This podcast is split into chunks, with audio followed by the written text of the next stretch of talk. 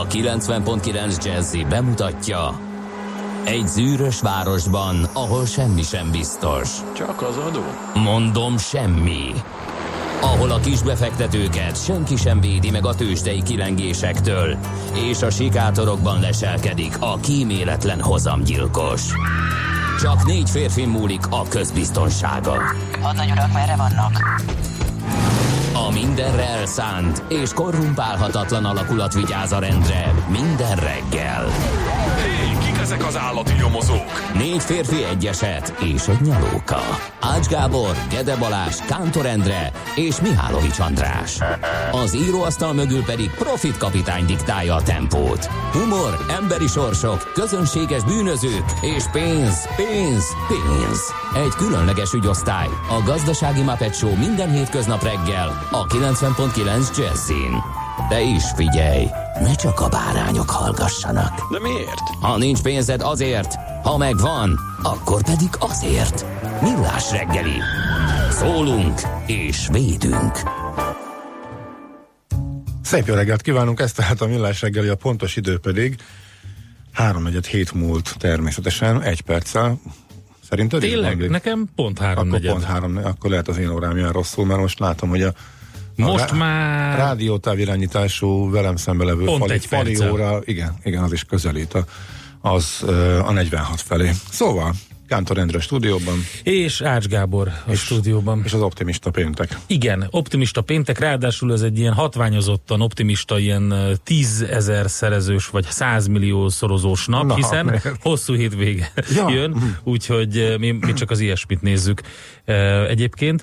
És hát minden kedves Marianne nevű hallgatónknak szeretnénk nagyon-nagyon boldog névnapot kívánni, egy csokor virtuális virágot nyújtunk át nekik, és hát ugye képzeld el, hogy a e, a Marian, az a természetesen a Mária névnek a, az eredetihez közel álló Mariam, vagy a középkori angol és francia Marion változatából származik. Na, tök jó, nem? Úgyhogy Egy e, időben milyen népszerű volt. a Aztán, Marian? Aha, Most kevesebb Szerintem, hogy a van. 30 igen. éve, körülbelül 30-40 éve. Igen, megnézem, hogy mit mondanak róla. Igen, a 70-es, 80-as években nagyon gyakori volt, de a 90-es években már csak ritka név. Ez így van. És a 2000-es években pedig nem szerepelt a száz leggyakoribb női név között. Egyébként ünnepelhetnek a ziták is ma, hiszen zita nap is van.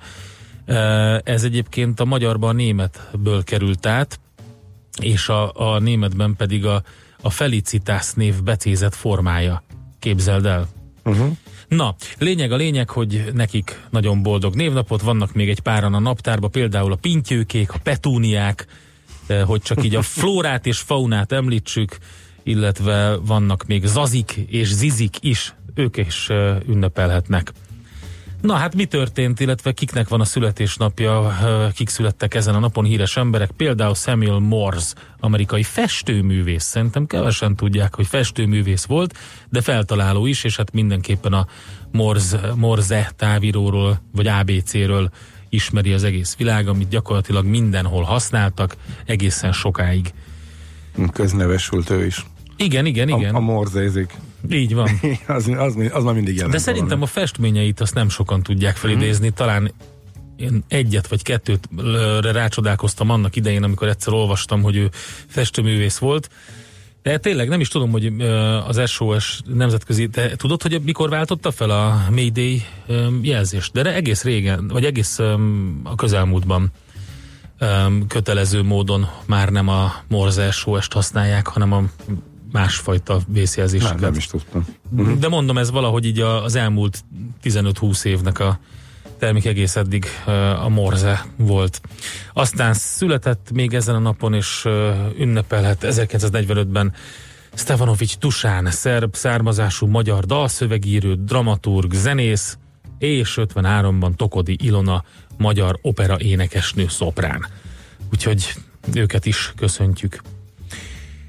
Van-e valami, amit mindenképpen optimista pénteken meg szeretnél osztani, vagy azonnal csapjunk le a bulvár témára, ami gyakorlatilag bemutatja nekünk Magyarországot, és tudunk magunkon nevetni, tudunk magunkon sírni, hiszen hát ilyenek vagyunk. Ezek vagyunk mi. Ezt Karinti se tudta volna annak idején szebben, amikor kérem szépen az RTL Klub fókusza bemutatta, hogy ö, Fekete Pákót migránsnak nézték egy kis faluban, és rendőrt hívtak rá. És az a, az a sketch, ami ott történik, az egy ilyen, egy ilyen Hrabálba oltott, Monty Pythonba oltott, Bush magyar keringőbe oltott valami örkény novella-szerűség, de ez van ma Magyarországon. Kérem szépen, Pákó elmondása szerint, amit lehetett látni a műsorba, azt mondja, egyszer csak odajött két rendőr, mert a szomszédok bejelentették a rendőröknek, hogy abban a kis faluban ott volt egy fekete csávó, egy migráns.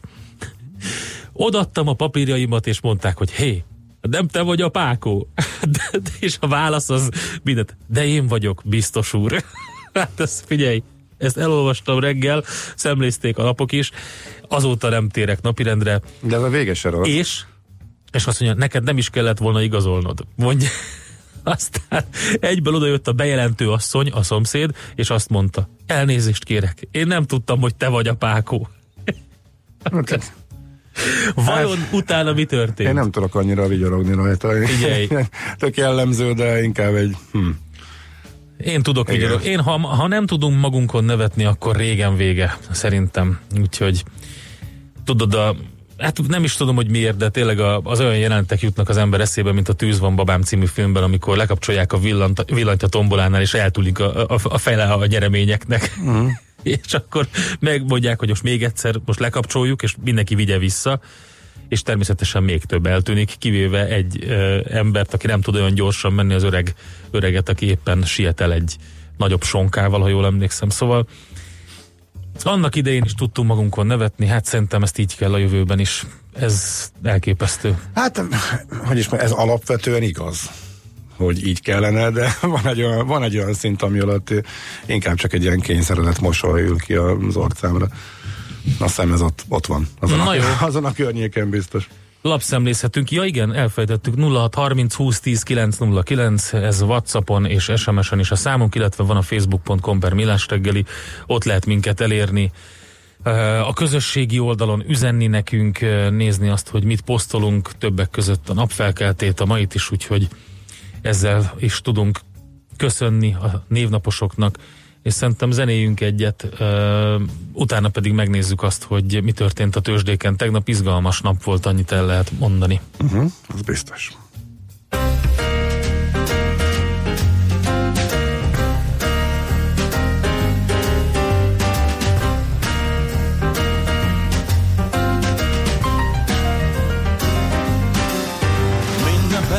Egy nehéz nap, minden nap egy hosszú év. Mögöttem már annyi érzés, előttem még oly sok év. De volt már úgy, hogy mennem kellett, nem tudtam hová érkezem. Lehúny szemmel azt reméltem, hogy egy dal segít nekem.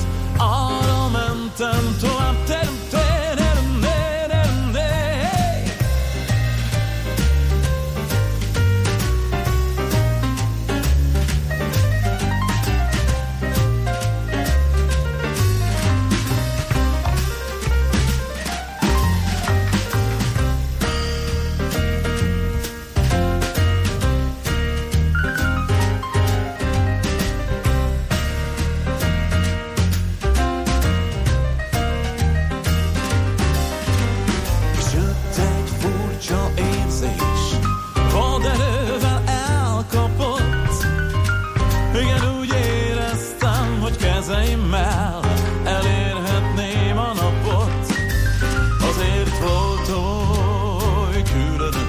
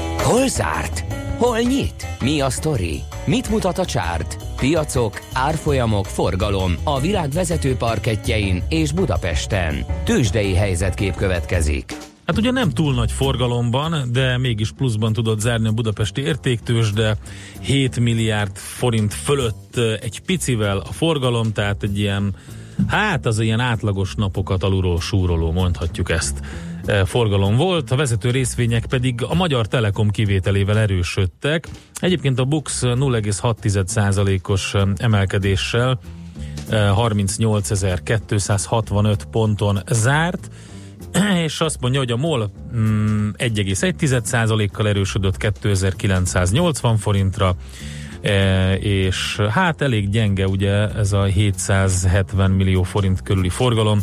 Az OTP az vitte ki az egyik e, lábát a bikának, hogy az vitte, ő volt a fele nagyjából a teljes forgalomnak 3,6 milliárd forinttal, és egy 0,3%-os emelkedés volt, 11.410 forinton zártak az OTP részvények. A Magyar Telekomban is csekély forgalom, de 0,1%-os csökkenés volt, a Richter pedig másfél milliárdos forgalomban 15 forinttal drágult, tehát ez is csekély drágulás, 5250 forintra emelkedett, úgyhogy Hát ugye az volt a jellemző délelőtt, hogy keresték az irányt a budapesti értéktősdén, várták az Európai Központi Bank kamat döntőülését, és ezután fordultak inkább pozitívba az árfolyamok Nyugat-Európában és Amerikában is, de hát ezt majd Gábor elmondja. Amerika fölé lett. Igen, sok minden volt. Amerika azon szórakozik, hogy folyamatosan ne legyen érdemes róla beszélni, mert hogyha valami történik, annak utána csak az a kérdés, hogy egy, kettő vagy három nap után csinálja meg az ellentétjét. Ezért is szoktam én nézegetni, hogy hol tartunk az évelejéhez képest, mert ha csak egy-egy napot nézel, akkor azért az sokszor félrevisz. Tehát a hú, de jó hangulat volt, már megint, vagy éppen ú, mekkora esés, ez teljesen semmit sem mond, mert ha legalább azt látod, hogy pont ugyanott van, ahol három nappal ezelőtt, meg hat nappal ezelőtt, eh, akkor azért tényleg eh, arról lehet beszélni, hogy eh, valamire talán készül a piac, de még nem tudja, hogy merre ugorjon. Tehát nem sokkal a történelmi csúcsok alatt, de azért mégis, tehát jó pár százalékkal a csúcsok alatt megáll. Ez a csúcs is csak azért volt, mert idén januárban még egy hatalmas ugrás volt, azt visszaadta mondjuk februárban, sőt át is lendült negatívba, aztán visszajött, és azóta nulla környékén ingadozik, ami kitűnő lehetőséget az ad arra, hogy mindenféle szakik megmondják a tutit meg annak az ellenkezőjét. Most éppen tegnap az előző napok veszteségeit dolgozta le egy szép bakugrással felfele. Igen, a piac, úgy, volt nagyjából ennyi történt.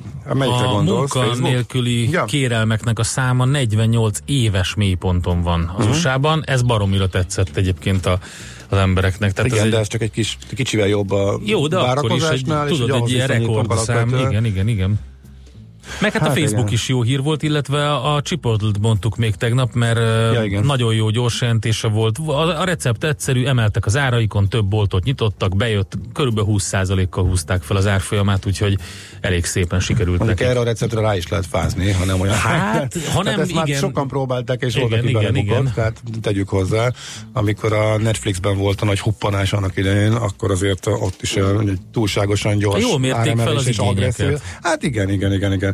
Ők, a Facebook viszont azért a 10%-on, a 9%-os ugrás a gyors jelentés után azért az nagyon Igen, kemény. az is rendben van. Úgyhogy egy jó részét, hát nem egy jó részét, de egy részét, egy komoly részét visszacsinált annak, amit az elmúlt hetekben a botrány kirobbanása után bukott a Facebook részvény. Ezért is volt az, hogy a a 11 S&P szektor közül az információ technológia emelkedte a legnagyobbat, ez meglátszik a nasdaq a felülteljesítésén is, úgyhogy nagyjából 1% körüli emelkedést lehetett látni, Dow Jones is ennyi, és az S&P 500 is ennyi, a Nasdaq pedig más felett tudott emelkedni. Ezzel vagyunk tök ugyanott, ahol mondjuk egy héttel ezelőtt, eh, mert hogy eh, az van, hogy az év eleje óta kicsi mínuszban van az S&P és a Dow Jones, a Nasdaq pedig 3% pluszban, tehát összességében a tegnapi jó nap ellenére egy tingli-tangli jelzővel lehet ezt illetni. Tőzsdei helyzetkép hangzott el a Millás reggeliben. Mit írnak a kedves hallgatók a 0630 20 10 909-re, Gábor? Ez a legjobb. Egy kívánság műsorból. Férjemnek házasság évfordulóra küldöm, hogy minden sarkon álltam már. Köszönjük fel Gábornak. Igen. Ne. Jó, de most, nem, most először szerintem nem írta meg senki, nem kérdezte meg senki, hogy ez tényleg Zorán élek, énekli, mert ugye ez volt a, a Zorán hangú feldolgozás kapcsán, ez volt az általános. Ez a Triász nevű formáció. De ez, ez most akkor nem volt. Szia, uh, Andika! Közlekedés, hol van? Jó reggelt! Megjött Schmidt Andi. Igen, kicsit még reggelt. Nem kellett volna annyit üvölteni a vágtázó halott kémeken. Én nem ő, ők üvöltettek, én csak hallgattam. Nekik ez a dolguk, igen. igen. Voltám üvöltés. Na? És vagy én vagyok béna, vagy nem látom a szokásos közlekedési infókat se, úgyhogy kérném azokat a hallgatókat, akik... És ezek? Most ki megmutatja ja. neked, Andi, hogy, hogy hol kell vannak. kezelni ezt a rendszert? Igen. Jó, figyelj, hogy te híreket mondasz, akkor mi Oké, földerítem. okay, okay. na akkor jönnek a hírek, utána jövünk vissza többek között lapszemlével. Műsorunkban termék megjelenítést hallhattak. Rég volt már a reggeli, és messze még a nap vége. Érzed, hogy nem bírod ki némi információ kalória nélkül? Ne csüggedj! Az Uzsonnak a mat, a millás reggeli délutáni pénzügyi betevője minden munkanapon délután 4 órakor várja a profitra éhezőket. Hazai és nemzetközi piacok, egy csipeki vállalati hír, megfűszerezve a legfontosabb eseményekkel. Uzsonnak a mat, hogy senki ne maradjon profit éhes. Reklám Tartson a Concerto Budapesttel és világsztár vendégművészeikkel a következő koncertévadban. Steven Isserlis, Boris Berezovsky, Isabel Faust. A 2018-19-es évad bérletei már kaphatók. Concerto Budapest. Zene szenvedéllyel. Pörgesse fel vállalkozását UPC üzleti internettel. A UPC üzleti internet több, mint internet. Váltson UPC Fiber Power Business internetre, és megmutatjuk, hogyan hozhat ki többet a netből vállalkozása hatékonyságának növelésére. Fiber Power Business 150 internet csomag már havi nettó 4390, bruttó 4610 forinttól. Az ajánlat két éves szerződéssel és IPEC-kel érvényes. A tájékoztatás nem teljes körű. Részletekért hívja a 1420-at. Reklámot hallottak. Hírek a 90.9 Jazzin. Tömeges ételmérgezés volt Budapesten, újra működik az ügyfélkapu. Visszatér a napos tavaszi idő, esni ma már nem fog, jelenleg 9-10 fokot mérünk itt Budapesten. Nyöreget kívánok, 4 perccel múlt 7 óra. A mikrofonnál Schmidt Andi. Valószínűleg mérgezett fűszerkömény miatt kerültek kórházba többen is a fővárosban. Két embert a Honvéd kórházban ápolnak. A betegek tünetei atropin mérgezésre utalnak. Egymástól függetlenül, de ugyanolyan ételt fogyasztottak, és ezután jelentkeztek a tünetek.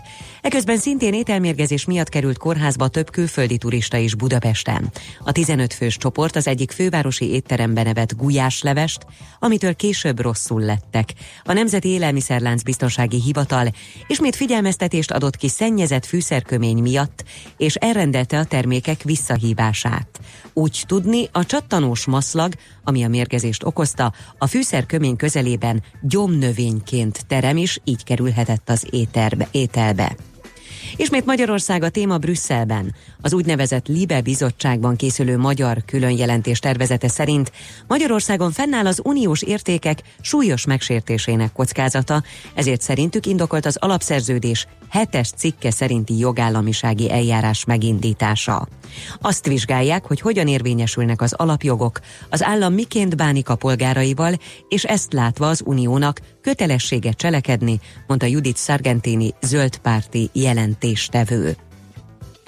Nem lesz miniszter Novák Katalin, de arra számít, hogy a jelenlegi területen is minőségben folytathatja munkáját. A család és ifjúságügyért is felelős államtitkár úgy tudja, ma hozza nyilvánosságra a miniszterelnök a kormány népsorát, és ebben ő miniszterként nem fog szerepelni. Gyurcsány Ferenc pártelnök vezeti majd a Demokratikus Koalíció parlamenti képviselőcsoportját, a helyettese Vadai Ágnes lesz.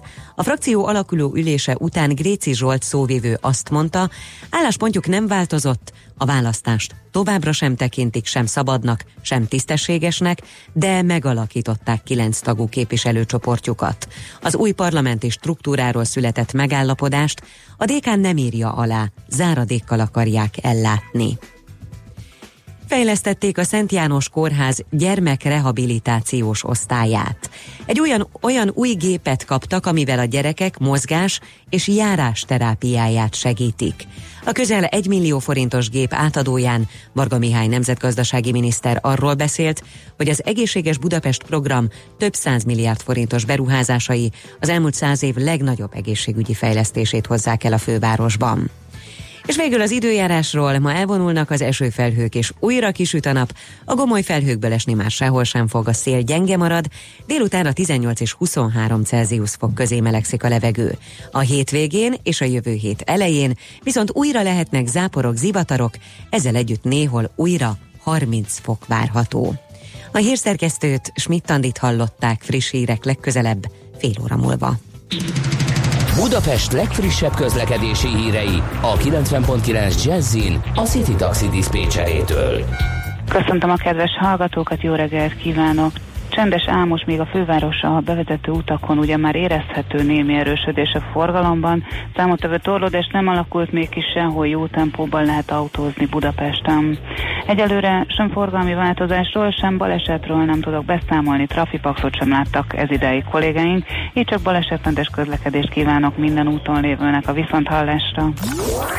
A hírek után már is folytatódik a millás reggeli, itt a 90.9 jazz Következő műsorunkban termék megjelenítést hallhatnak.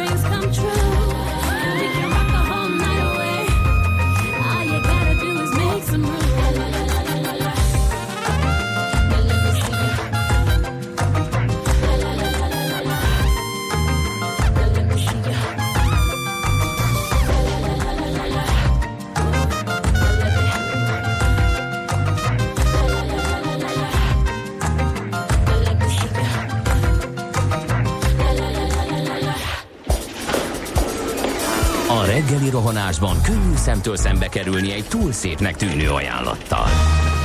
Az eredmény krétával körberajzolt tetemes összeg.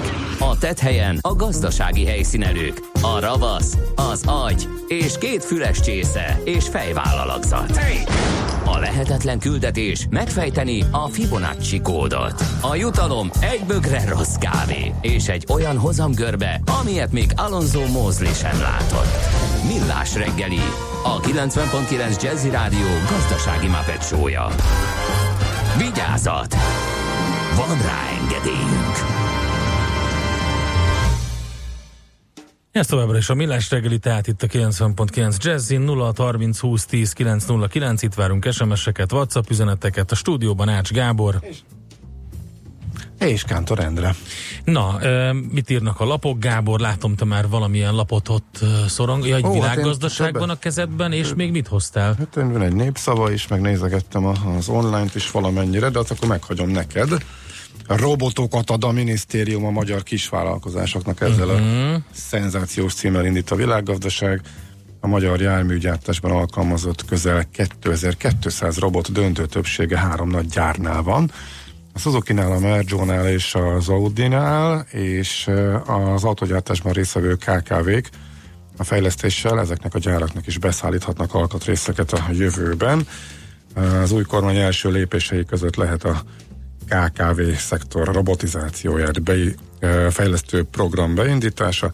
A Nemzetgazdasági Tárca államtitkára Lepsényi István mondta ezt a lapnak, ez alapján íródott ez a cikk. A program keretében robotokat kaphatnak a magyar cégek, az, hogy az automatizáció alkalmazását mint a üzemekben tapasztalhassák meg, ezt úgy hívják a robotizáció az ipar 4 pont program. Nem, a, ez a ipar 4 pont program szerves részeként fog működni. 4.0? És 4 pont, nem azt mondta? Nem, 4 pont program. Ja, 4, de igen, nem 4 baj. Pont, persze, persze, de tudjuk, hogy arról van szó. Mi is volt még itt? E, alapkamat azt maradt. Tudjuk, tudjuk, tudjuk. Ismert hír, ismert hír, beszállt az Altera, ismert hír. Még valami volt, ami Láttam, csak most hirtelen nem tudom. Gábor, ez zseniális. Ez, a, a, a te lapszemléd, ez tényleg, én, én azért vagyok csöndben, hogy minden egyes pici mozzanatát ki tudják élvezni a hallgatók. Az a lényeg a lapszemlének, hogy újdonságot mondjuk. Mert tegnap olvastam, az, az nem lapszemlet, ami saját kitúrásokat keresek, de néha beleszaladok, hogy nincs. És ebben nem sokat, Na, nem, nem sokat találom. A következő lap. Feszült csendben figyelünk. Feszült csendben figyeled, hogy beteges információ hiány. Itt is a vezetőanyag egyébként az olyan, Nyugat-Európában nyilvánosak a kórházak munkáját jellemző adatok, addig itthon egy adatsort is nehéz kiperelni. No, hát ezt tudtuk, de részletezik.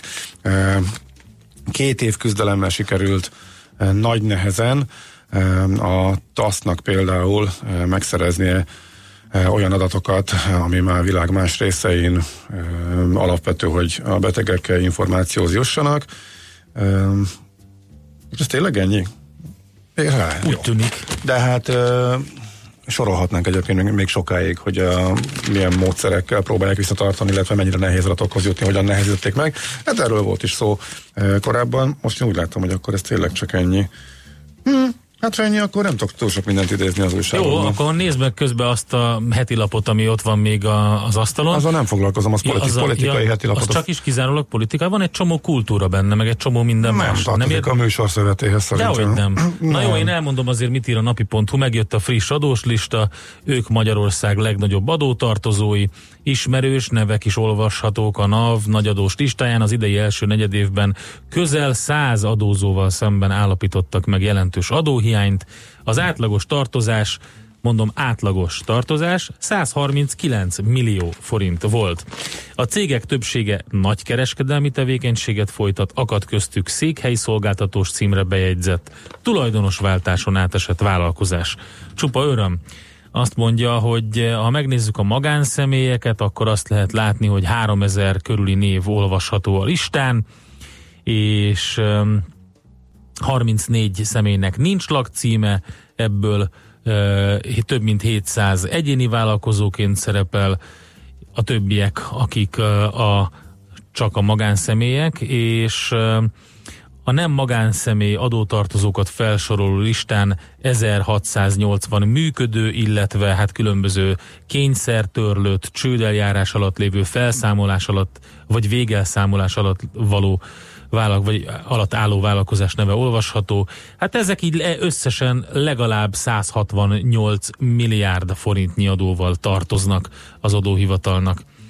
Üm, igen, ismert nevek, hát lehet szépen üm, mazsolázgatni a listán. A régóta olvasható több embernek a neve, többek közt az egykori Álmok futók zenekar frontemberének Kozsónak, azaz Kocsor Zsoltnak, a volt Baby Sister lányegyüttes egyik tagjának, Hertelendi Klárának a neve is rajta van, aztán Cuslág János, Dobrai Sándorni, Marcsika, ugye, akit mindannyian ismerünk, és még sorolhatnám, hogy kik vannak rajta a listán, így a celebek közül, mondjuk így.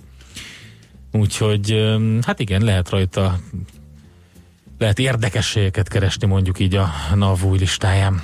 Amit még olvasgattam, az a G7.hu-nak a ma reggeli vezetőanyaga, de ez annyira szeretnék nem oda lyukadni, és most ez nem a forrás, illetve a sajtótermék kritikája, csak valahol bosszantó, hogy mindig valami mutyihoz lyukad ki az ember, hogyha bármi gazdasági témába elkezd a dolgok mélyére ásni. Itt arról szól a cikk, hogy a fővárosi önkormányzatnak milliárdos összeggel tartozik egy plakátcég, zárójel a plakát piacról, plakátpiac önmagában egy irgalmatlan kacsvasz és múltyi hegy volt az elmúlt évtizedekben is, de az elmúlt x időszakban aztán különösen. Tehát, ahogy változtak az erőviszonyok, úgy változtak ott is, a, hogy ki mennyit kaszálhatott. De ez pont azért érdekes, mert nem arról az úriemberről van szó, aki a plakát ügyben általában szóba kerül, hanem pont egy olyan figuráról, aki túlságosan jól fekszik, ezért a fővárosi önkormányzat Követel ugyan négy, már négy éve döntöttek, hogy van ez a milliárdos követelés, de ne, nem, nem hagyják be. Úgyhogy úgy tűnik, hogy inkább megvárják az elévülést, és inkább hagyják, azért, mert hát van, akinek a pénzére nincs, még sincs szükség. Úgyhogy, mert hogy túl jól fekszik. Mert nem akarok tényleg neveket mondani, csak nem, nem akarok megint múltyi híradót csinálni, de igazából ilyenek jönnek szembe sajnos. Kérem szépen, nagyon érdekes témával fogjuk folytatni. Úgy tűnik, hogy szélerőművek után naperőművek sem épülhetnek, illetve nem feltétlenül ez a, az egésznek a lényege, hanem az, hogy um, eléggé szűkös határidőt szabtak um, a kis napelemeket, vagy kis nap hogy hívják ezeket, napreaktorokat foglalkoztatóknak. Itt a kötelező visszavásárlási áramvisszavásárlás kapcsán, és hogy ezekben milyen jövőt látnak a szakemberek, ezt fogjuk megbeszélni a Manap Iparági Egyesület elnökével Szolnoki Ádámmal. A következőkben addig pedig egy ilyen hallgatói üzenetet fogunk most továbbítani az éterbe. Van, aki üzeni annak a barna hajú, kékszemű, kopott cipős lánynak, hogy Barna haja, a szeme kék, cipője kopott, nekem elég. Ő az igazi, csak az enyém. Velem utazik, ahova én. Barna haja, a szeme kék, cipője kopott, nekem elég. Ő az igazi, csak az enyém. Velem utazik, épp ahova én.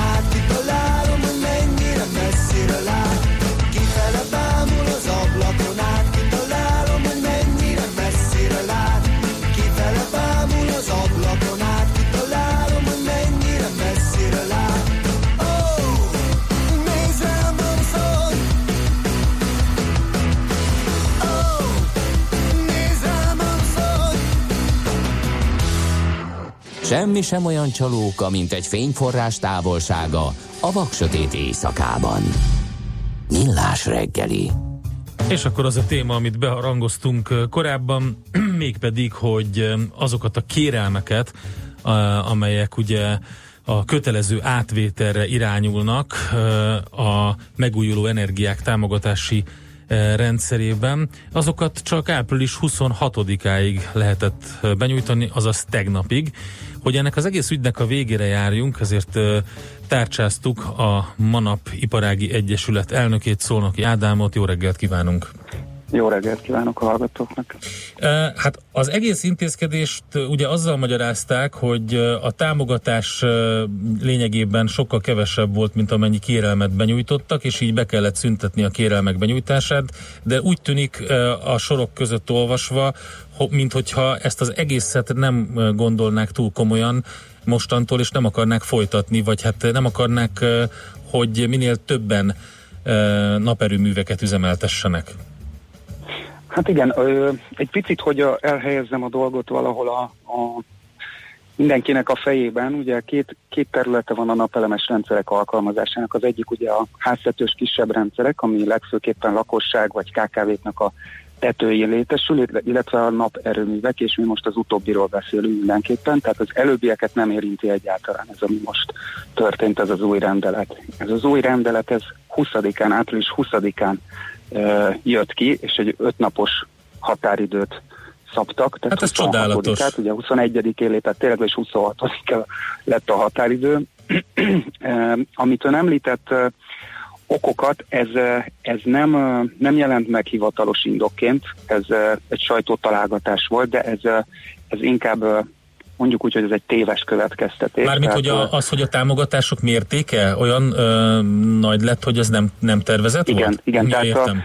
A, ö, egyesek azt vélelmezik, hogy túljegyezték úgymond ezeket Mhm. uh-huh. a kérelmeket, ez első ránézésre lehet, hogy így néz ki, azonban ö, az iparág ismeri nagyjából, hogy ö, milyen folyamatok zajlanak, és a túljegyzés az csak egy virtuális túljegyzés volt, hogyha azt nézzük meg, hogy a valós igények milyen mennyiségben mentek be, akkor azt a közleményünkben is írtuk, hogy kb. 10%-a a, a lehetőségeknek volt kihasználva tartalmam alapján. Értem. Akkor az jó, hogy tisztáztuk, ugye, mert, mert hogyha az lett volna, hogy van egy, mit tudom én, mm, 222 darab igénylés volt, és ugye ennek mennyi a éves támogatási szükséglet, és ez meghaladja ugye a támogatási keretet, Igen. akkor lenne egy érthető ok, amire lehet fogni, de ezek szerint ez nem így van, és akkor még 90%-ban ki lehetne használni ezt a keretet. Igen, ráadásul a rendelet szövege nem is arról szól, hogy az idei keret ö, szűnt be, hanem egyáltalán ez a program szűnt meg. Tehát ez a, ez a program, ez nagyon fontos tudni, hogy ö, 20 éve fut, a megújuló támogatási rendszernek az elődje a KÁT rendszer. Ö, 2017. január 1-én történt egy változás, amikor metár lett belőle, ez a megújuló támogatási rendszere. A 20 év az ugye nyilván most sok volt, de végül is ennek a, a lényege a megújuló termelésnek a támogatása. Az elmúlt két-három évben jutott el oda a napenergia szektor, hogy a, magyar kátrendszerben is értelme legyen kis erőműveket létrehozni. Erről sokat is lehetett olvasni, hogy a régi kátrendszerben nagyon-nagyon sok igény nyújtottak be. Annak nagy része ugyancsak spekulatív volt, hogy ebből mennyi fog megvalósulni, azt majd meglátjuk. De 2017. január 1-től váltotta le a METÁR rendszer a régi kátrendszert, és ez a METÁR rendszer, ez egy picit szolidabb büdzsével, vagyis hogy a kisebb büdzsével, de viszont tíz évre előrevetítve lett megtervezve, ami, uh-huh. ami most úgy tűnik, hogy másfél év után nullává válik. Hát ez több okból is elég problémás. Az egyik az az ötnapos idő, ugye, és itt a kisméretű erőművekről beszélünk, ugye 500 kW alatti Igen. erőművekről, amelynek a, ugye az építését tervező cégek, hát ők nem csak a kérelemmel számoltak, aminek vannak nyilván költségei, de az összes többi költség, ami most gyakorlatilag egy, hát egy pénzkidobás lett számukra, csak ha ezt a, ezt a céges költséget nézzük, már önmagában ez problémás. Igen, pontosan. Itt uh, előkészíteni egy ilyen projektet, az több hónapos munka, 6-12 hónap, többfajta engedély kell hozzá, finanszírozás előteremtése, ezt 5 nap alatt, illetve az utána rendelkezésre álló hiánypotlás alatt, ami 30 nap, ez lehetetlen összehozni. De ez ugye az egész problémák, problémán csak az egyik oldala, hogy most hirtelen nem lehet benyújtani, de az, hogy nem is lehet majd, legalábbis a, rendelet szövege szerint nem következik belőle, hogy majd lehet, eh, ez, ez, egy, ez egy sokkal nagyobb probléma, hogy van egy tíz éves program, amit, amit egyébként ezt megelőzően kettő évvel a szakma és a kormányzat egyébként a minisztérium és az energiahivatal együtt dolgozott ki közösen, ez nagyon fontos, tehát ez egy három-négy éve elindult elképzelés, az öt nap alatt megszűnik, az szerintem az bármilyen szektorban nagyon fájó. Hát hogyne, és akkor nem is beszéljünk arról, hogy a környezeti hatásokról, hanem beszéljünk tényleg az ilyen rövidtávú gazdaságot vagy cégeket érintő hatásokról. Egyáltalán mi lesz ezekkel az eszközökkel a, a továbbiakban? Hát a, az eszközöket ez nem érinti. Tehát, hogyha valaki ugye kérelmet benyújtott, komplet kérelmet és el lett bírálva, akkor ő meg fogja tudni csinálni a beruházást. Ja, értem. A probléma itt a, itt a ugye a mai nappal a, a, az éppen futó előkészített projekteknél az a belefektetett energia, illetve pénz az engedélyeztetésekbe belefektetett pénz, humán erőforrás, amit ugye nyilván lehet számszerűsíteni, ezek, ezek nagyon súlyos millió forintok. Arról nem is beszélve, hogy aki, aki erre a területre próbálna koncentrálni, ugye itt energetikáról beszélünk, tehát itt ilyen 20 éves tá- időtávlatokban kell gondolkodni, itt nem az van, hogy ma gondolok egyet és holnap üzletet csinálok, hanem itt sokat tervezek, körülnézek, megnézem, hogy milyen a jogszabályi környezet, és esetleg belevágok. És ha belevágok, akkor viszont 10-20 évre tervezek. Ugye ezt említettem az imént, hogy három-négy éve történt ennek az egész pro- programnak a, az elindításának a gondolkodása, ami közös gondolkodás volt. Hát megvolt a bizalom a piacban, most, most ki gondolja azt, hogy ez, ez folytatódni fog változatlan körülmények között, ha már történt egy ilyen rendelet. Um, mit, fog, mit, mit lehet tenni? Tud-e valamit tenni a manap ebben az ügyben? Van egyáltalán Hát, jogorvoslat, vagy bármi? tudtunk közleményt kiadni, illetve reménykedni tudunk, hogy uh, valami, valami a visszájára fordulhat ebből. De egyelőre tanácstalanok vagyunk, és nem csak mi bárki, akivel konzultálunk, tanácstalan ebben a kérdésben. Hát ugye volt már egy hasonló jellegű történet, azért mondom, hogy hasonló, mert azért más egy kicsit a szélerőművek kapcsán. Um, alapvetően, aki különböző megújuló energiaforrásokkal próbál foglalkozni Magyarországon, nem egy túl jó üzenet ez, hogy mi az, amiben belevágjunk, főleg ilyen hát 10-20 éves távlatban. Igen, és a- legszomorúbb az egészben az, hogy most ugye mondhatjuk azt, hogy, hogy Magyarország nem lesz napenergia nagyhatalom, meg vagy hogy lesz így napenergia nap, nagyhatalom, de természetesen bármikor ki lehet hozni egy új programot, amiben nagyon sok napelem fog ö, letelepülni az országban, de ennek azért két oldala van ennek a problémának. Az egyik oldala az igen, hogy mennyi, nap, mennyi megújuló energiát ezen belül napenergiával fogunk megtermelni villamos energiát, tehát mekkora lesz ennek a részaránya. Csak hogy mondjak egy, egy érdekes összehasonlító adatot, Ö, 2016 végi statisztikát tudok most fejből mondani, Európában a villamosenergia 4%-át termelte meg a fotovoltaikus, uh-huh. termelték meg fotovoltaikus panelek, tehát napelemek, ez 2016-os szám volt, tehát ez azóta picit magasabb. Magyarországon ma még ez mindig a 0,5-0,6 százalék környékén van, és a régióban is 2, inkább 3 százalék fölött, tehát ha ilyen Csehország, Szlovákia, Románia, ilyeneket nézünk. Tehát itt tetemes a lemaradásunk.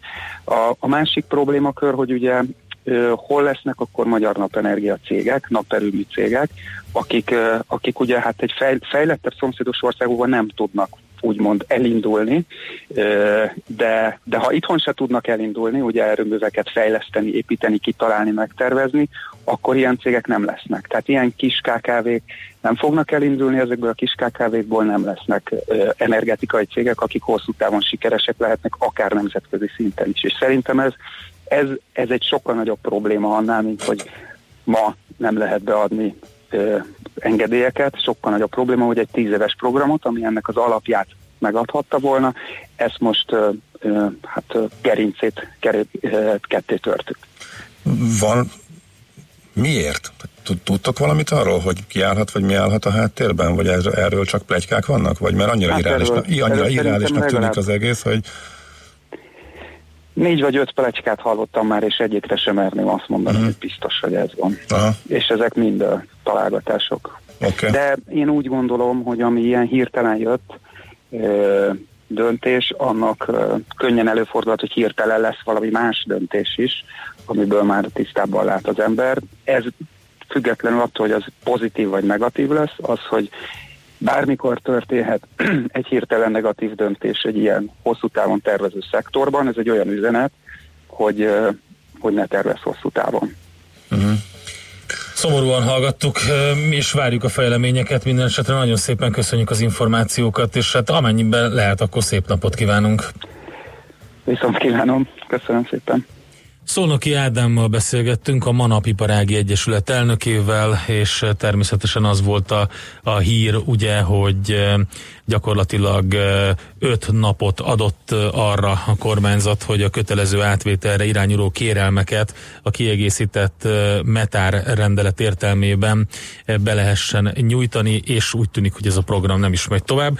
Foglalkozunk még megújuló energiával a mai műsorban, hiszen hamarosan majd arról fogunk beszélni Kovács Csabával, a KPMG energetikai szakértőjével, hogy hogyan küzdenek meg a megújuló energiatermelők a fogyasztás ingadozásával. Ez is egy folyamatosan felmerülő kérdés a megújulók kapcsán, majd ő elmondja. Egy fontos közlekedési info. Ugrott el éppen az imént m 0 csúnya baleset a belső sávban, motoros sérült, ne bámészkodjunk, kérdezi a hallgató, én meg azt kérném, hogy kicsit pontosabban írja meg, hogy ez eh, hol történt, meg milyen fennakadást okoz. Műsorunkban termék megjelenítést hallhattak. Éppen külföldre készülsz vállalkozásoddal? Szeretnéd tudni hol, hogyan és mennyit kell adózni? Ismerd meg a világországainak adózási sajátosságait a Millás reggeli világjáró adó rovatával minden hétfőn reggel 8 és fél 9 között. Az adóvilág rovat támogatója a BDO Magyarország Kft. Könyvvizsgálat, könyvelés, adótanácsadás. Mert semmi sem biztos, csak az adó. Valahol még az sem. Reklám Pörgesse fel vállalkozását UPC üzleti internettel. A UPC üzleti internet több, mint internet. Váltson UPC Fiber Power Business internetre, és megmutatjuk, hogyan hozhat ki többet a netből vállalkozása hatékonyságának növelésére. Fiber Power Business 150 internet csomag már havi nettó 4390, bruttó 4610 forinttól. Az ajánlat két éves szerződéssel és IPEC-kel érvényes. A tájékoztatás nem teljes körű. Részletekért hívja a 1420-at A természet beköltözött a Mon Parkba. Válogasson a legfrissebb kollekciókból kedvezményes áron május 3-a és 6-a között a Mon Park Shopping Days-en, és nyerjen vásárlásaival tavaszi játékunkon. Vigye haza heti nyereményeink egyikét, vagy legyen öné fődíjunk egy álomutazás Toszkánába. Különleges darabok, kihagyhatatlan ajánlatok. Május 3-ától 6-áig Mon Park Shopping Days. Részletek monpark.hu Reklámot hallottak. Rövid hírek a 90.9 Jazzin. Július 8-ára tűzte ki a Józsefvárosi Helyi Választási Bizottság az időközi polgármester választást. A választást azért kellett kiírni, mert Kocsis Máté az április 8-i országgyűlési választáson a Fidesz-KDNP egyéni jelöltjeként szerzett parlamenti mandátumot, és így összeférhetetlenség miatt április 17-i hatállyal lemondott a tisztségről. Az összeférhetetlenséget az önkormányzati törvény mondja ki. Átvette képviselői mandátumát Lázár János, aki szerint politikai pályája egyik legfontosabb szakasza kezdődik. A politikus úgy fogalmazott, hogy a nagy politika erejét akarja elvinni vidékre, és a vidék hangját elvinni Budapestre, illetve Brüsszelbe, ahol a döntések születnek. Ismét elérhető az ügyfélkapu. Az oldal korábban szoftver hiba miatt nem működött. A probléma érintette a Magyarország.hu címen található nyilvános szolgáltatást, valamint az intézmények, például bíróságok által használt elektronikus küldeménykezelő rendszert. Többet fizetünk a kutaknál mától. A benzin és a gázola is 6 forinttal lett drágább, így a benzinért átlagosan 375, a gázolaért pedig 383 forintot kell fizetni. Betiltották az Ubert Bécsben. A döntést azzal indokolták, hogy az amerikai vállalat megsérti a tisztességes verseny szabályait. A társaság csak azután fuvarozhat újra, ha megrendeléseiket egy központon keresztül és nem közvetlenül az utasoktól kapják meg. Emellett az utasokat kijelölt megállóhelyeken kell felvenni, a kocsiknak pedig a fuvarok között kijelölt megállóhelyeken kell várakozniuk. Az Uber azt ígéri, pár napon belül meg fog felelni a feltételeknek. Billy Idol is jön a Budapest Parkba. A legnagyobb hazai szabadtéri szórakozóhely május harmadikán nyit. A szezonban fellép többek között Paul Kalkbrenner, a Body Count és a Scooter, de koncertezik majd a Margaret Island, a Tankcsapda, a Punani Massive és az Airi Mafia is. Lesz kertmozi, utcaszínház és új cirkusz is, de még a használt cikkek kedvelőire is gondoltak, garázsvásárt is rendeznek. Ma elvonulnak az esőfelhők is, újra kisüt a nap, a gomoly felhőkből pedig esni már sehol sem fog. A szél gyenge lesz, délutánra 18 és 23 Celsius fok közé melegszik a levegő. A hétvégén és a jövő hét elején újra lehetnek záporok, zivatarok, ezzel együtt néhol újra 30 fokot is mérhetünk majd. A hírszerkesztőt Schmidt-Tandit hallották, friss hírek legközelebb fél óra múlva.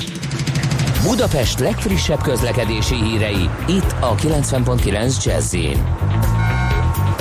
Jó reggelt kívánok! Megszűnt a forgalmi akadály az Árpád úti felüljárón. Lassú a haladás az M3-as autópálya bevezető szakaszán a Szerencs utcáig, illetve a Rákospalotai körvasút sortól befelé, a kacsó úti felüljáró Kóskároly sétány útvonalon, a Dózsa György úton a Hősök terénél, a Pesti alsórakparton a Dráva utcától délre.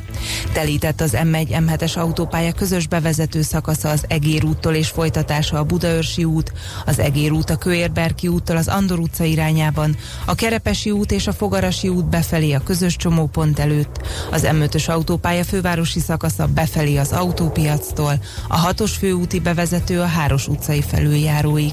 Erős a forgalom a 10-es főúton befelé az Óbudai temetőig, a 11-es főúton befelé a Pünköstfürdő utcánál, a Szentendrei úton befelé a Pók utca előtt, a Váci úton befelé a Megyeri út előtt, a Róbert Károly körúttól a Lehel térig, a második Rákóczi Ferenc úton az m 0 autóútnál. Akadozik az előrejutás a Hűvösvölgyi úton úton befelé a Szilágyi Erzsébet fasor előtt, a Szélkálmán tér környékén, az Ülői úton befelé az Ecseri út előtt. Nyesőné Vas Gabriella, BKK Info. A hírek után már is folytatódik a millás reggeli, itt a 90.9 jazz Következő műsorunkban termék megjelenítést hallhatnak.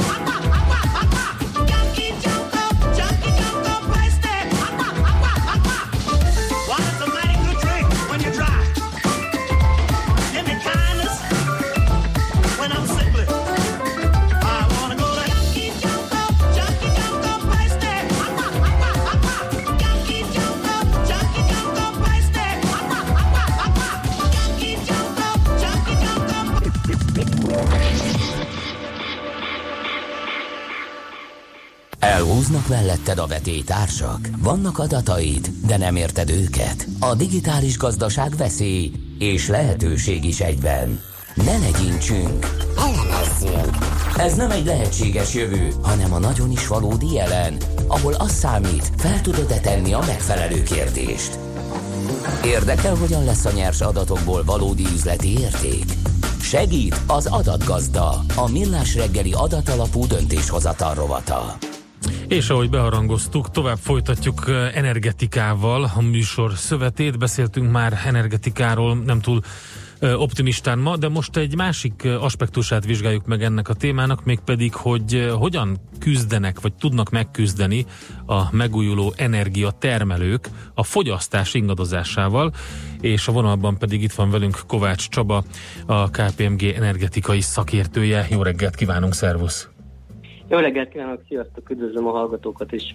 Hát ugye az a meggyőződés, vagy a jelenlegi irányelv, hogy ma a jövőben az ellátórendszer az több, vagy sok kicsi önellátó fogyasztói és termelői közösség hálózatából áll majd, vagy épül majd fel, és hát ugye egyre inkább világos, hogy ezeket a rendszereket kiépíteni majd ki lehet, hiszen egyre olcsóbbak a, a például napelemek, meg hát alapvetően a, a megújuló energia termelő egységek minden e, típusa. A kérdés az, hogy ezek a nagy hálózatok és az elosztó rendszerek majd hogyan alkalmazkodnak ehhez, és hogy általában mit kell hogyan kell felkészülni a megújuló energiatermelőknek arra, hogy hát a fogyasztás az bizony nem állandó. Uh-huh.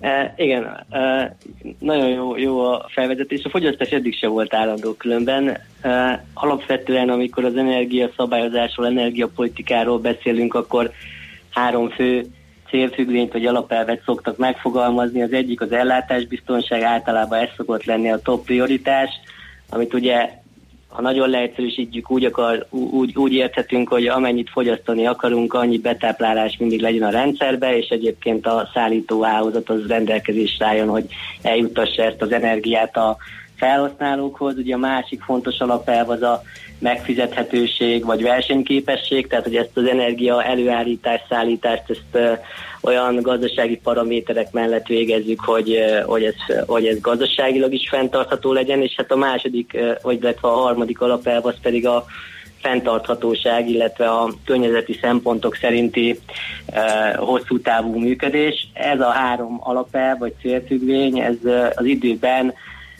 hol erősebben, illetve hol kevésbé erősen jelenik meg a döntéshozóknak a fejében.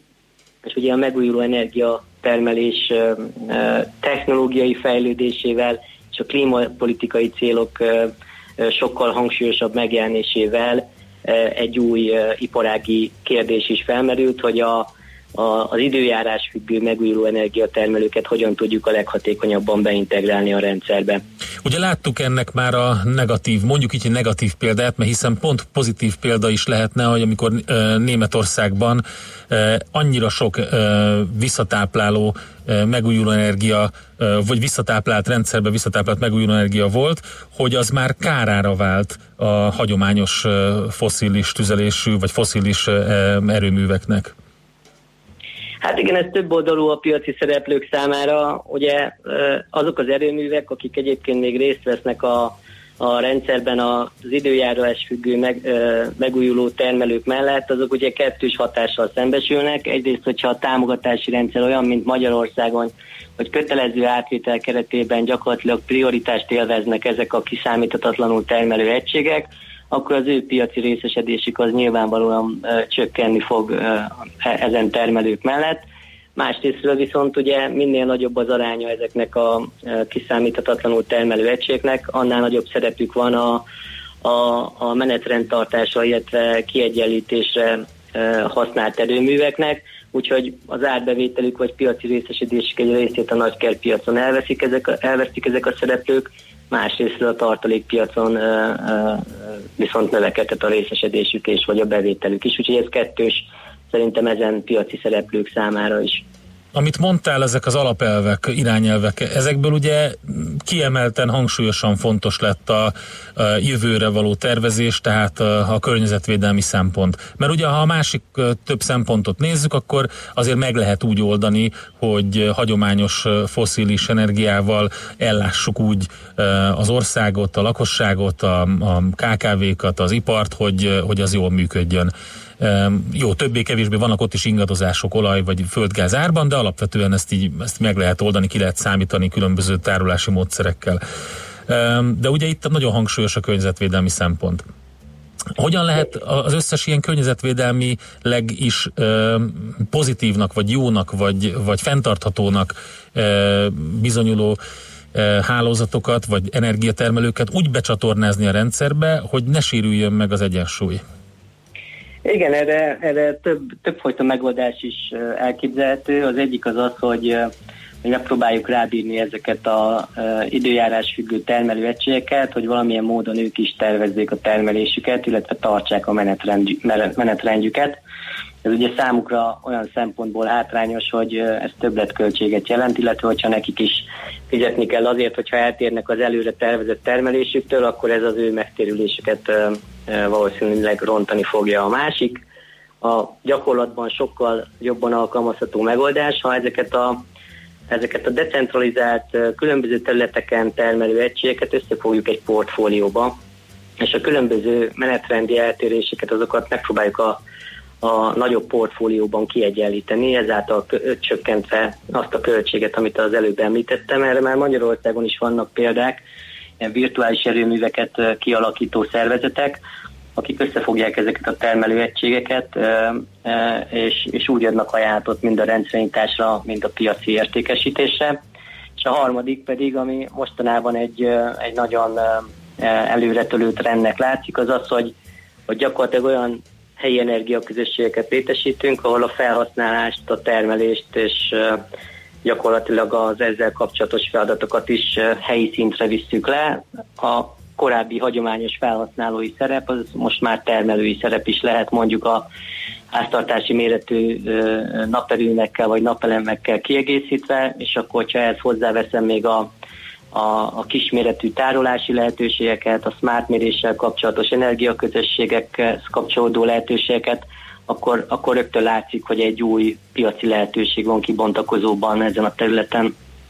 Ugye amiről te beszélsz az az, hogy, hogy a, az egész rendszer decentralizált le, rendszer legyen, és ugye ez a termelői közösség, mert a kis fogyasztó az lehet akár egyéni fogyasztó, aki, aki egyéni termelő is egyben, vagy az, hogy összecsatlakozik mondjuk egy lakópark, és ők saját maguknak termelnek. Rengeteg példa van erre, akár Bécsben is ugye um, alakultak ilyen közösségek. Hát igen, az, hogy az egész rendszer ilyen legyen, azért azzal óvatosan fogalmaznék, tehát hogy mi a hagyományos, centralizált, vezetékes energiaszolgáltatás, és mondjuk a decentralizált, akár a hálózattól független energiaközösségeknek az aránya, arra most szerintem most nagyon nehéz egy, egy, egy biztos arányt mondani. Az biztos, hogy, hogy, hogy a napelemek terjedésével, a smart méréssel, és egyébként az ingatlanpiaci új beruházásokkal egy ilyen piaci rés nyílt meg a, a piaci szereplők felé. Egyébként nem csak az új piaci szereplők felé, hanem a hagyományos energiaszolgáltatásban résztvevő piaci szereplők is részt vesznek ebben.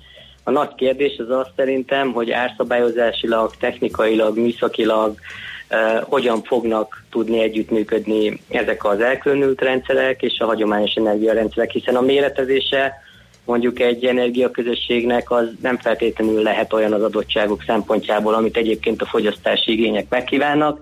Ebben az esetben biztos, hogy marad egy, egy idézőjelben normál elosztóhálózati kapcsolat, és hogy ott a különböző energiaáramlásosokkal és szolgáltatásokkal kapcsolatos árazás az hogyan alakul, az egy nagy kérdés, mert a mostani az biztosan nem fogja tudni kezelni ezt az új Hát egyrészt, másrészt, hogyha azon gondolkodunk, hogy mondjuk az én kis termelői közösségem, vagy az akár saját termelésem nagyon lecsökkenti mondjuk az én hálózati fogyasztásomat, nagy hálózati fogyasztásomat, akkor például az ilyen alapdíjas rendszerek azok nem jók, mert ugye nekem az egy olyan kiadás, amivel én nem akarok foglalkozni. Hát ugye az, hogy mi a jó, az mindig nézőpont kérdése. Hát persze, nekem, mint A- fogyasztónak mondtam itt. Igen, igen, tehát a fix költséggel dolgozó hálózatüzemeltetőnek nyilvánvalóan az alapdíjas megoldás a legjobb, hiszen ha azt mondja, hogy neki rendelkezésre kell tartani a hálózatot, akkor valamilyen módon fedeznie kell ezeket a kiadásait, de ugye számára inkább az a probléma, hogy most az alapdíj kicsi, és a hálózatból kivett energia alapján állapítják meg a fajlagos elosztási tarifát, most, hogyha a hálózatból kivett energia mennyisége csökken, de egyébként a költségtömeg az ugyanakkor marad, akkor nem nehéz kiszámolni, hogy ez fajlagos uh, tarifanövekedési igényt eredményezne. Szerintem erre most még se a szabályozó hatóság, sem az elosztó hálózatok nincsenek felkészülve, de még talán nem is tartott a piac ebben a tekintetben, hogy, hogy nagyon sürgős lenne számukra lépni. Hú, hát elég sok érdekesség hangzott el, bármelyikre rá tudnék még csatlakozni, de sajnos már nincs időnk, úgyhogy szerintem folytatjuk ezt a beszélgetést. Csaba, nagyon szépen köszönjük neked. Jó nagyon munkát, szép napot. további szép napot kívánok. Kovács Csabával beszélgettünk a KPMG-től, aki egyébként magának a cégnek az energetikai szakértője, és hát egy kicsit megpróbáltuk megvilágítani azt, hogy mik a legnagyobb kérdések a megújuló energiatermelők és a fogyasztás ingadozásának a hát közös mesdjéjén.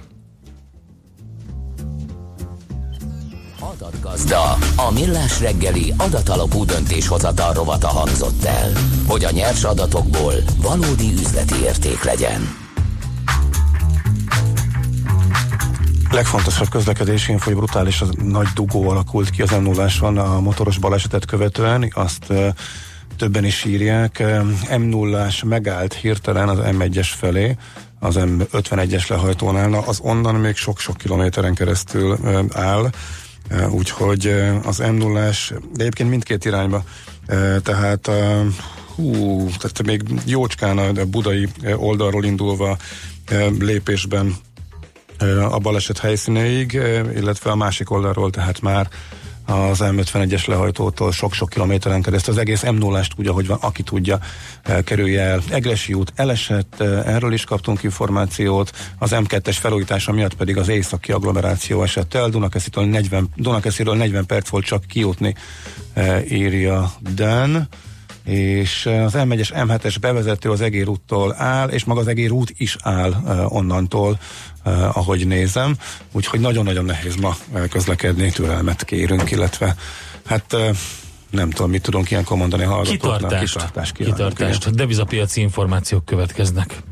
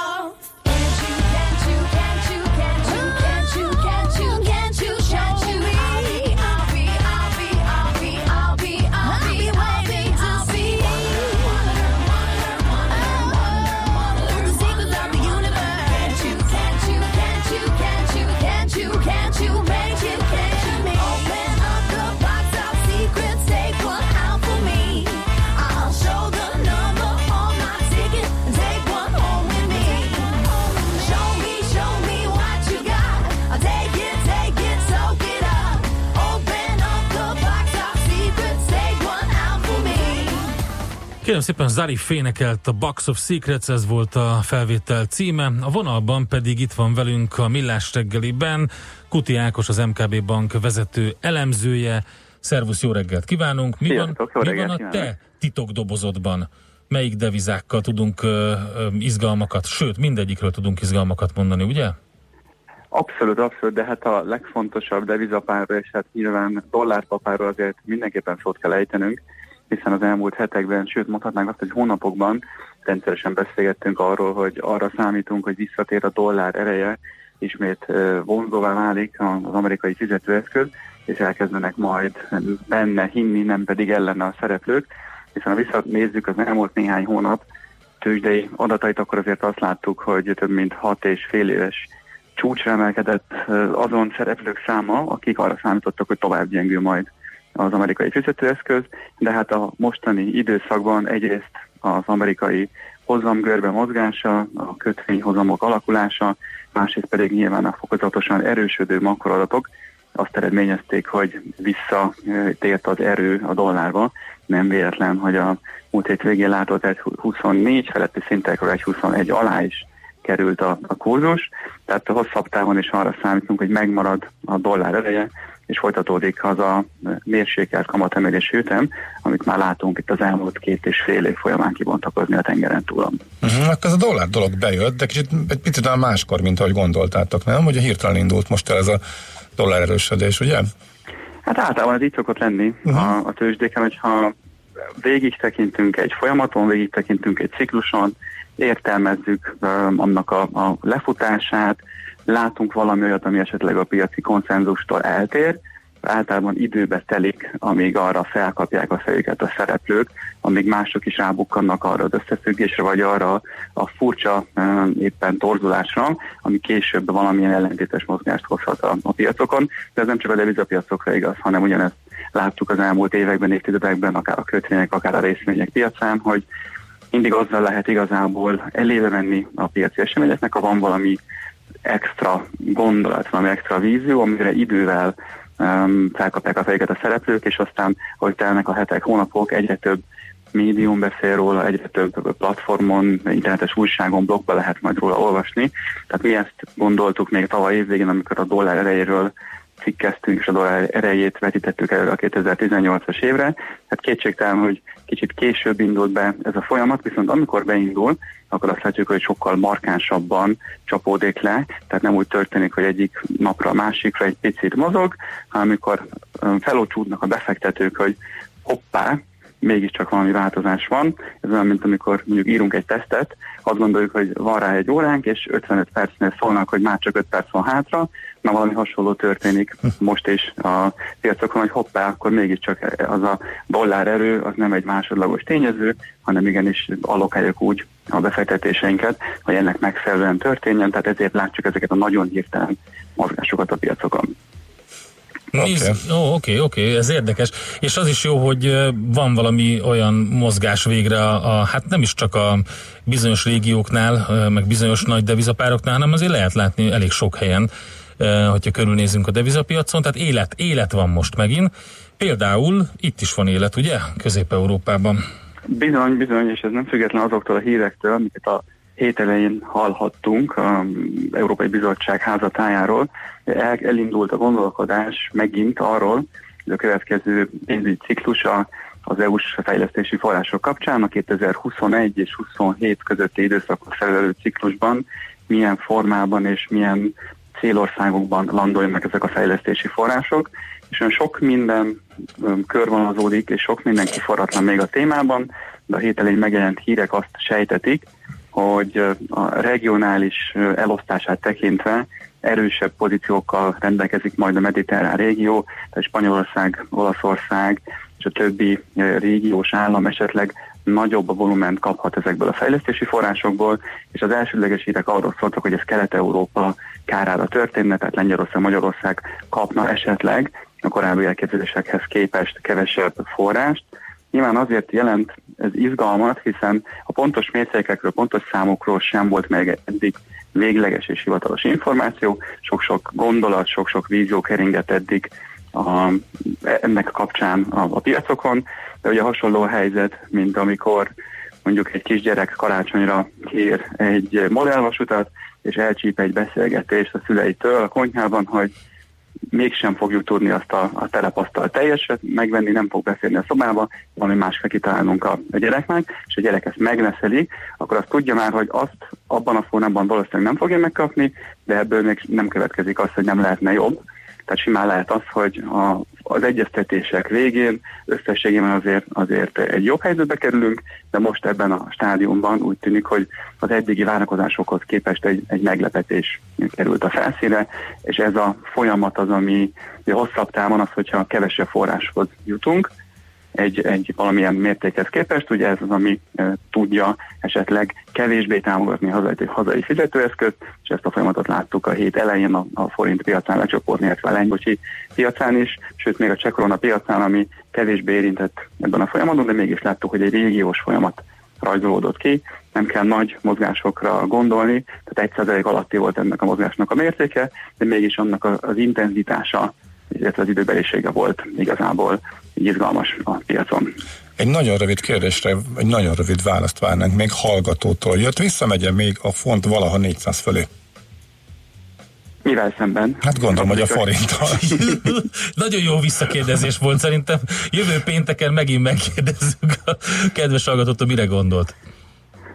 Jó a felvetése. Ugye miből adódhat ez a kérdés, hiszen az elmúlt másfél évben végig azon az állásponton voltunk, hogy nagyon-nagyon negatívan tekintik a szereplők ugye, a Brexit kérdését, lassan haladnak az egyeztetések, nagyon szélsőséges véleményeket is lehetett hallani másfél évvel ezelőtt, és ugye amikor ott 3-10-3-20 környékén voltunk, akkor mi konzisztensen mondtuk azt, hogy bizony ez, ez bőven felfelé mozog majd, tehát a font a forinttal szemben.